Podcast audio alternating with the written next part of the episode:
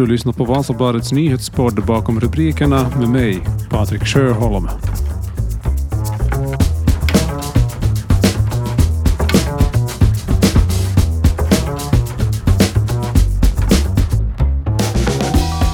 Ja, idag är det onsdag den 16 mars och um, det har snart gått tre veckor sedan Ryssland inledde attacken mot Ukraina. Bara en vecka efter att attacken inleddes och påbörjade ICC, alltså den internationella domstolen och den permanenta tribunal som kan åtala personer för folkmord, brott mot mänskligheten och krigsförbrytelser, en utredning på grund av kriget i Ukraina. Tillsammans med Mikaela Heikkilä som är lärare i folkrätt vid Åbo Akademi i Åbo försöker vi lite reda ut vad det här innebär i praktiken. Hur ser hela processen ut? Och kan det gå så långt att Rysslands president Vladimir Putin också blir anklagad för krigsförbrytelser? Det här är några av de frågor vi ska reda ut i dagens nyhetspodd tillsammans med lärare i folkrätt vid Åbo Akademi, Mikaela Heikkilä.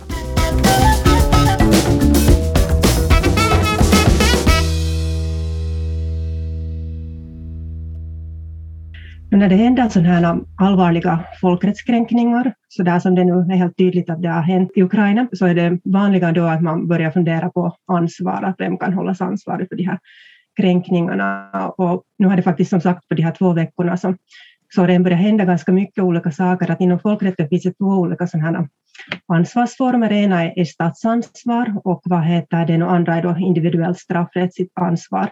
Och den här internationella brottmålsdomstolen som fokuserar på det här individuella straffrättsliga ansvaret. Och, och vad heter det som man då alltså funderar på är att, att om det finns människor som har begått krigsförbrytelser eller brott mot mänskligheten eller, eller något sånt här annat och, och vad heter det, i och med då att, att åklagaren nu har inlett den här förundersökningen så, så anser man då att det finns skäliga grunder att misstänka att, att sånt här, så har hänt. Är det någonting särskilt, tror du, som gör att man just nu inleder en utredning?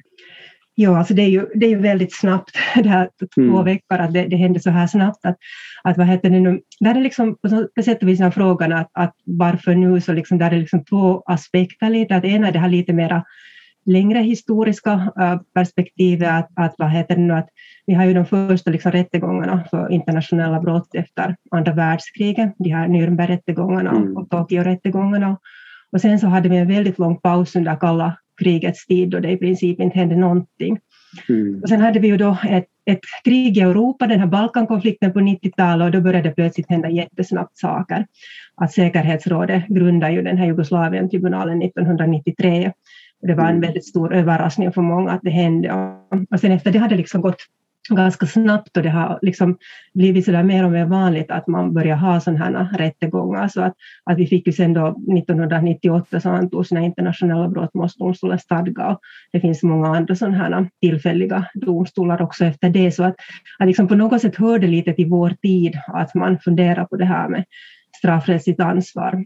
Och sen den andra frågan lite kanske på just att varför just då Ukraina och, och den här situationen och varför det nu har gått så snabbt så så tror jag nog att det är liksom kopplat till de här händelserna och på något sätt den här chocken och allvarligheten. Att, att jag tror att många hade kanske inte räknat med att det kan hända någonting i östra, östra Ukraina, men, men den, här liksom, den här invasionen och, och den här aggressionen som, som skedde så kom nog som en chock för många. Och nu också de här två veckorna så har ju varit på många sätt nog väldigt, väldigt chockerande att det har hänt väldigt sådana här allvarliga saker och, och, och, väldigt mycket kränkningar av olika krigets lagar. Att, att det har pratats om, om vad heter det nu, attacker till exempel mot olika sjukhus, alltså massor av sådana attacker, andra civilobjekt och vad heter det, det har riktats attacker mot kärnkraftverk och det pratas mm. om hot mot dammar och de här räknas som sådana här farliga krafter. Alltså det här är sånt som inte brukar ens hända i väpnade konflikter. Så alltså, den är på något sätt, det har, det har nog varit alltså väldigt allvarliga saker. Så att det har kommit en moralisk, moralisk chock på något sätt för alla att, att nu måste någonting göras. Så att, att det är helt klart att, att internationella samfundet har reagerat väldigt starkt. De är liksom väldigt dyra och väldigt långa, de här krigsförbrytarrättegångarna. Det behövs mycket olika bevismaterial i stora mängder för att döma någon. De här brotten är väldigt komplexa, så de är liksom svåra att bevisa ofta så, så fungerar de här domstolarna då långt borta från det där stället där de här brotten har begåtts och, och domarna talar inte nödvändigtvis samma språk som, som de här vittnena och, och de åtalade. Så det är, liksom, det är enorma procedurer, väldigt svåra, så att, att det är helt klart liksom att alla krigsförbrytare kan inte dömas av de här internationella brottmålsdomstolarna, utan de väljer då liksom vissa fall. Att, att på det sättet är det inte så jättevanligt att någon blir dömd, men att om man jämför med liksom tiden före medel på 90-talet så har det ju hänt mycket. Och, och det har blivit mer etablerat det här med internationell straffrätt. Du var inne på det där att man samlar bevis. Vad, vad, kan det vara för typ av bevis om man tänker just på det här fallet med, med Ukraina? Har man liksom, finns det folk på plats där redan som, som undersöker? Jo, alltså, just som sagt så de här brotten är liksom väldigt komplicerade, att det behövs liksom många olika sorters bevis.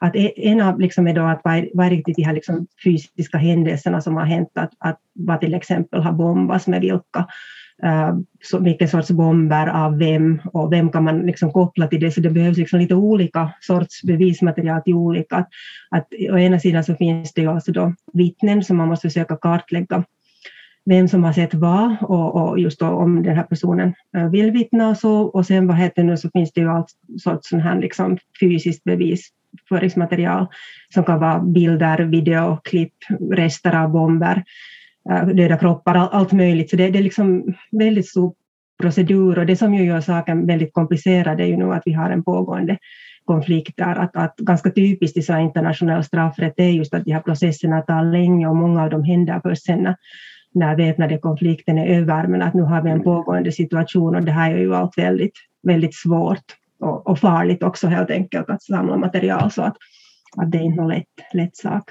I samband med att det kom den här nyheten förra veckan om att man inledde den här utredningen så sa den här chefsåklagaren då, Karim Khan att, att det finns misstankar om krigs, krigsförbrytelser och brott mot mänskligheten som har begåtts sedan 2013. Hur, hur skulle du tolka det att man då inte har inlett en utredning tidigare utan först nu? Ja, så det är ju så att, att, att den här internationella brottmålsdomstolen har ju nog liksom inlett vissa procedurer redan, förut, att man inledde någonting som heter sån här preliminär utredning då, eh, efter 2013 och från den kom det ett, ett sånt här slutresultat i december 2020 där det då konstaterades redan då att det alltså fanns liksom skäliga grunder att misstänka att det hade begåtts krigsförbrytelser och brott mot mänskligheten. Men att det här är ju, alltså om vi nu tänker på då att det på två veckor har nu, nu hänt nya saker och då hade det mm. gått alltså flera år och ingenting hände så det var ju väldigt mycket långsammare då. Men att vad heter det nu, och liksom vad jag nu har förstått att, att de här huvudsakliga orsakerna har varit så, dels har det varit liksom sådana här ah, resursbrister, att just att som sagt de här rättegångarna är väldigt dyra och så, så den här internationella brottmålsdomstolen kämpar alltid lite med, med så här ah, penningbrist. Och sen det andra har varit på något sätt att man har uppfattat det som svårt att utreda just på grund av att, att det har hela tiden pågått oroligheter där så att, att vad heter det nu, så de här är liksom de där i alla fall officiella på något sätt orsakerna varför inte det har hänt någonting och, och på något sätt har ju den här politiska kontexten ändrat väldigt mycket. Att nu har ju den här internationella brottmålsdomstolen väldigt starkt stöd från stater och den här chefsåklagaren har bett om tilläggsresurser och det kommer ju han nu att få.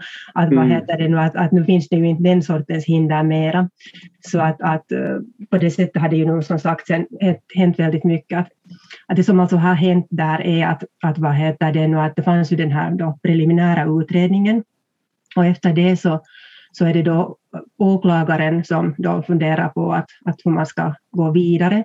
Mm. Och, och nu var det ju då, hade väl varit 40 stater som har bett internationella brottmålsdomstolen att öppna en utredning, vilket också är väldigt exceptionellt. Alltså att vi pratar om 40 stater, inklusive Finland, då, som har, mm. som har bett, bett om en sån här förundersökning. Och nu är det sen då liksom att, ja det som är nu kanske viktigt och, och här är det här alltså att den här internationella brottmålsdomstolen har liksom två olika sådana här, hur ska man säga, faser. Det första är att man öppnar en sån här situation. Det kan vara då just till exempel, nu är det situationen i Ukraina, det kan också vara liksom situationen i Darfur eller så här. Och sen nästa steg är då att man pratar om enskilda fall och då blir det alltså de här individerna. Och det som mm. alltså nu har hänt att vi har fått den här Ukraina-situationen och sen nästa steg är att det ska då bli sådana här åtal mot individer. Okej, okay, precis. Mm. Alltså jag läste någonstans att också det finns i ICC-stadgan nu för tiden också att man kan misstänka eller inleda utredning för, på grund av aggression eller aggression. Men att det inte skulle gå i det här fallet då för att varken Ukraina eller då främst Ryssland inte har godkänt den, det tillägget i, i stadgorna. Alltså, om jag nu backar lite här, alltså mm. det normala är så att internationella brottmålsdomstolen så, så kan fungera där brottet sker på en stadgeparts territorium eller den som begår brottet är medborgare i stadgepart. Alltså till exempel om, om vad heter det nu, när Finland är stadgepart, som det skulle ske i Finland, eller om en finländare gör det någonstans i världen. Så det är liksom det här normala. Mm. Men sen kan också stater sådär, uh, så att säga, liksom lite så tillfälligt ge domstolen behörighet att, att vad heter det, fungera. Och det har alltså Ukraina nu gjort efter 2013, att de har liksom tillåter att den här, så de är inte liksom på det sättet stadgeparter, utan de har bara gett en sån här tillfällig mm. liksom tillåtelse för domstolen att agera och det här aggressionsbrottet, så där måste man då vara sån här stadgepart. Eh, det måste vara de här liksom grunderna. Sen dessutom krävs det också att FNs säkerhetsråd är med på, på noterna. Vi har ju alltså då Ryssland som är sån här permanent medlem i, i säkerhetsrådet som ju skulle lägga veto för, för det. Så att det finns liksom många hinder för det här aggressionsbrottet, så det kommer inte att, att ske, utan det är nog liksom nu har det ju varit främst krigsförbrytelser och brott mot mänskligheten, men att det finns också möjlighet att man börjar diskutera om folkmord. Jag reagerar faktiskt på nyheterna nu att, att nu verkar de här ukrainska vad heter, myndigheterna också börja prata lite om folkmord kanske kopplat till det att det riktas så klart attacker mot civilbefolkning, mot barn och, och kvinnor mm. som definitivt inte är militära mål. Det är kanske ganska typiskt i folkmord att man är ute efter alla, mm. inte liksom bara eh, de här militära styrkorna. Men att mm. som sagt, ännu är det inga folkmordsmisstankar utan det, det är fokus på krigsförbrytelser och brott mot mänskligheten. Så säger Mikaela Heikkilä som alltså är lärare i folkrätt vid Åbo Akademi i Åbo. Vi ska snart prata lite mer om hur, vad som kommer att hända nu. Jag ska bara komma med ett litet tips till dig som lyssnar. För det är så att kriget i Ukraina, det händer väldigt mycket där hela tiden. Det är snabba vändningar, många skeenden och också omvärldens reaktioner. Så kommer det bara mer och mer och den utvecklingen sker ju hela tiden. Så ett bra sätt att verkligen hänga med i vad som sker i Ukraina och i omvärlden är den live-rapportering som finns på alla HSS Medias nyhetssajter, vasabadet.fi, Osterbottentidnings.fi och Sydin.fi. Det kommer nya uppdateringar där hela tiden om vad som händer under dagens lopp och sammanfattningar på morgonen av vad som händer under nattens lopp. Så åtminstone där så får du en väldigt bra överblick vad som händer i Ukraina just nu. Nu fortsätter vi samtalet med Mikaela Heikkilä.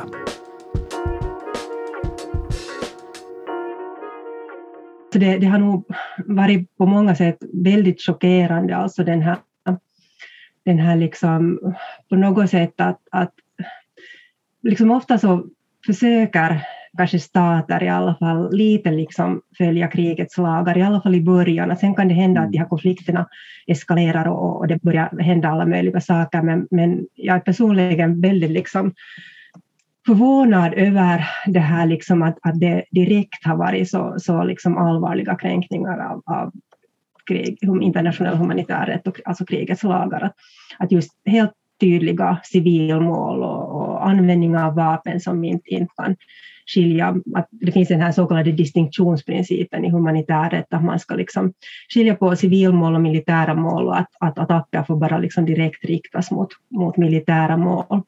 Och det betyder också att man måste till exempel använda sådana vapen som kan göra den här åtskillnaden, att man kan inte liksom förstöra en hel stad för att det finns ett militärt mål där, utan man måste använda sådana vapen som kan rikta sig på det där. Så de har liksom, det väldigt många olika sorts sådana liksom kränkningar som har, har förekommit. Mm. Hur tror du man från Rysslands sida ser på att man har inlett en sån här utredning nu? Ändrar det på något sätt deras sätt att agera tror du? Ja, alltså det här är ju inte som sagt helt nytt för, för Ryssland att, att de är liksom, får uppmärksamhet från internationella brottmålsdomstolen, utan det här hände ju redan efter, efter, alltså där, efter 2014 och så här så hade det liksom pågått, pågått ju liksom ren, ren liksom den här preliminära utredningen. Och sen dessutom så, så, vad heter det, så hade ju också, finns det en sån annan situation som gäller Georgien och, och så här där, där det också pågår. Så, så det är liksom inte nytt. Men att, att uh, på något sätt liksom så, så så kanske liksom nu, nu att, att hur snabbt det gick och det här stödet så kanske det liksom väcker några tankar men att, att tyvärr så, så vad heter det nu så, så ser det ju nog inte ut att, att de skulle vara väldigt rädda för den här internationella straffrätten eller något annat heller, utan de gasar ju på bara med, med värre och värre saker. Att nu såg jag också i nyheterna att, att det pratas om, alltså förutom att det har hotats med kärnvapen så pratas det ju om kemiska och biologiska vapen, alltså mm. alldeles horribla vapen. Så att på det sättet verkar de ju inte vara direkt rädda för de här processerna. Nej. Och det är kanske det som det är att, att fast det nu finns sådana processer, så det som ju är ofta den här svårigheten för internationella brottmålsdomstolar är i sådana här fall då att få de här anklagade dit. Att, mm. att Ryssland har ju inte på det sättet någon skyldighet att, att överlåta till exempel sin statsledning till internationella brottmålsdomstolen när de inte är stadgeparter så att, att på det sättet så kanske de räknar med att de inte kan blir, liksom kom, kommer dit i domstolen men att det blir ju helt omöjligt för de här, de här som blir åtalade sen att resa för att, utanför Ryssland för att det är ju mm. nog väldigt många stater som är med i internationella brottmålsdomstolen. I en sån här utredning där man utreder um, krigsförbrytelser, vem, vem kan hållas ansvarig för de här förbrytelserna? Är det är det den som har beordrat invasionen eller den som har beordrat en viss bomb att användas mot ett visst civilmål. Eller, alltså det finns tänker jag, så många olika segment där i liksom hur den hierarkin ser ut.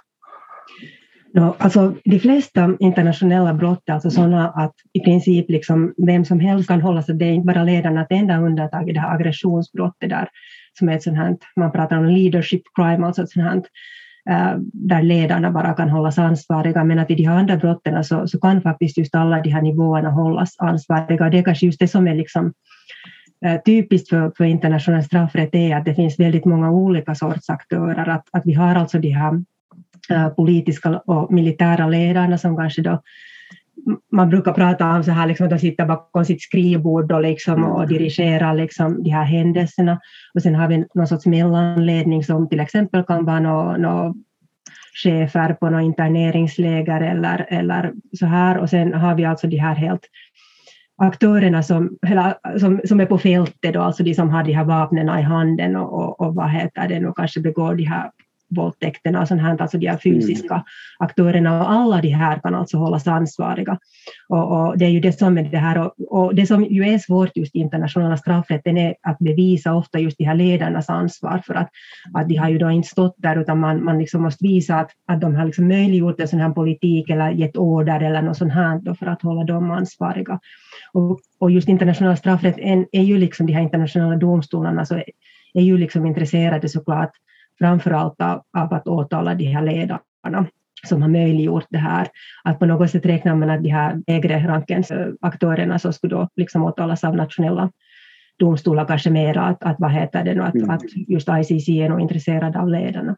Sen tänkte jag ännu på en sak här med de här liksom olika sorts aktörer, så, så dessutom så har det också funnits fall som till exempel har handlar om, om industripampars ansvar och, och, också medians ansvar. Och nu nu med, med liksom Ryssland så är det ganska tydligt att det har funnits en enorm sån här propagandamaskineri mm. som på något sätt har möjliggjort allt det här som, som händer. Så, så den här frågan om, om medias ansvar till exempel är ganska intressant. Att det finns från Rwanda-tribunalen så finns det ett sånt här så kallat mediafall där vissa sådana här radio aktörer då hölls ansvariga för, för liksom den, den här propagandan de hade. Att det, där är nog vissa skillnader att just i den här Rwanda-fallet så, så kom de med uttryckliga uppmaningar att döda, att, att den här propagandan där i, i Ryssland är ju nu an, annorlunda så, så det är inte liksom helt klart med det där ansvaret. Men att, att som sagt många sorts aktörer, så det, det kommer att funderas på många olika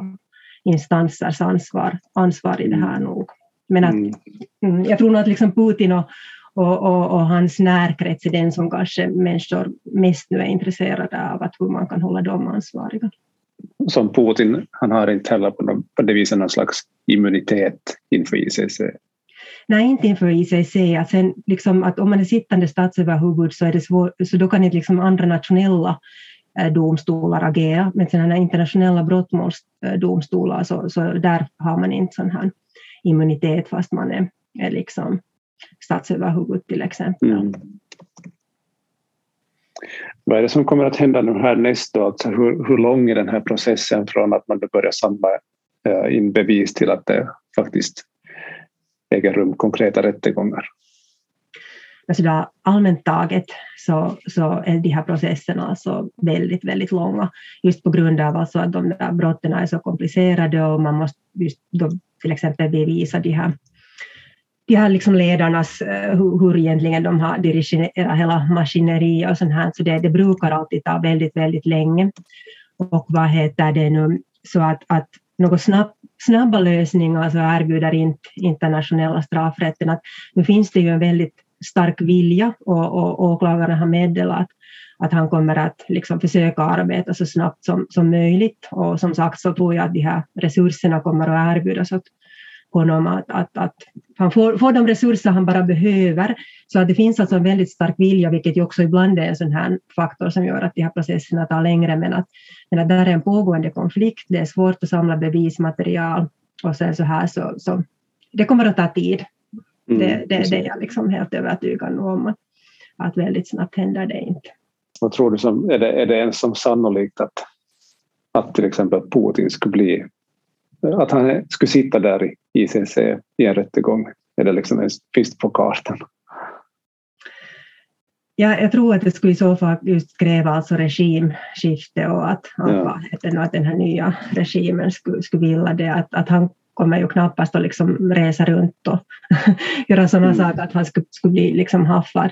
Alltså inte det är såklart omöjligt om det, det sker ett regimskifte men att, att nu är det liksom, inte det kanske sådär helt nu väldigt lätt heller att, att få honom dit. Men att, att det finns ju så många andra liksom, aktörer att, att man gör ju inte en sån här operation ensam, utan det behövs Nej. alltså också det här liksom närkretsen och, och de här mellanledarna och, och de här soldaterna som, som gör det här. Ansvar kommer det för, för, någon, för många aktörer kommer det ju nog bli aktuellt i alla fall mm. något skede. Men kanske först sen när, när konflikten är över och om man börjar liksom kunna bearbeta det.